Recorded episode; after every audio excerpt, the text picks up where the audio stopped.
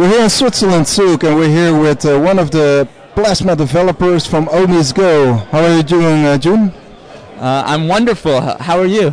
Yeah, doing fine. I mean, first time in Zug, and uh, yeah, it's it's it's a good good vibe, good vibe here. Well, What do you think of the the event? Oh, it's wonderful. Uh, new faces. People are super excited. Uh, a lot of projects are uh, developing. It's really cool to see kind of the combination of Casper and sharding being discussed and kind uh, and information about that be disseminated. Yeah. What did you did you think of the panel with Vitalik and with Karl and with with Justin Drake of the Ethereum Foundation? I mean, did you see it? Or? Uh, I, I didn't see that one. Oh, okay. Yeah, yeah. I mean, there were, were some, some, some developments, of course, uh, in, uh, discussed about Ethereum. Um, how does the development of Ethereum affect your project? I mean, Oh, it's excellent. Uh, so that essentially, uh, both proof of stake and sharding uh, positively affect layer two solutions as well, just because layer two solutions such as Plasma hinge on uh, Ethereum mainnet and Ethereum mainnet scaling. Uh, so yeah, sharding scales horizontally, and then the layer two solutions that we're working on uh, scale vertically. So yeah, they complement each other very well. maybe for the wider public, you can uh, uh, tell what are you working uh, on uh, with OmiseGo. Yeah, so uh, I'm primarily uh, doing research. So essentially, uh, Plasma is an architecture framework for uh, you have a blockchain that is secured by another blockchain. In our case, we're using Ethereum, and so it's a fairly open design space. And so, kind of trying to find uh, different pieces together to get uh, the maximum amount of scaling possible and the functionality uh, we need to support a decentralized exchange.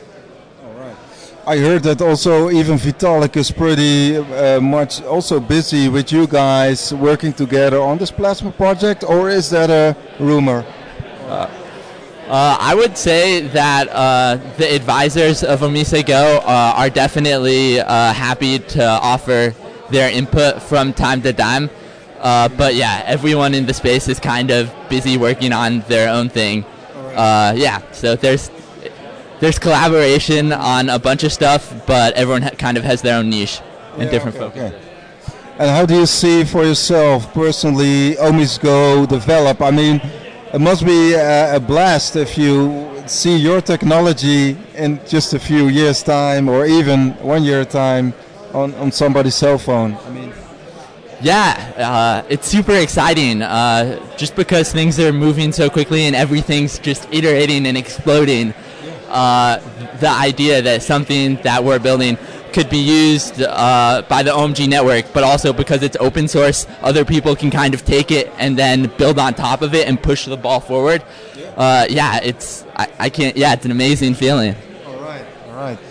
So uh, for you, for you personally, how do you see the space develop? I mean, you're probably yeah, you're, you're a very talented guy developing. You should you, you could also go to the Silicon Valley guys, but you decided to go to OmiseGo. But I really love uh, the ethos of both the Ethereum community and OmiseGo in in particular. Uh, Silicon Valley is exciting, uh, but uh, the Ethereum ecosystem still feels very grassroots. You kind of you travel to various events and you see the same people. You build lasting relationships, and so yeah, I tr- I'm here for the people. Yeah. yeah, thank you very much, Yoon, and all the best with uh, the development of uh, OmiseGo. Awesome. Thanks a lot. Have a wonderful day. Okay, thank you.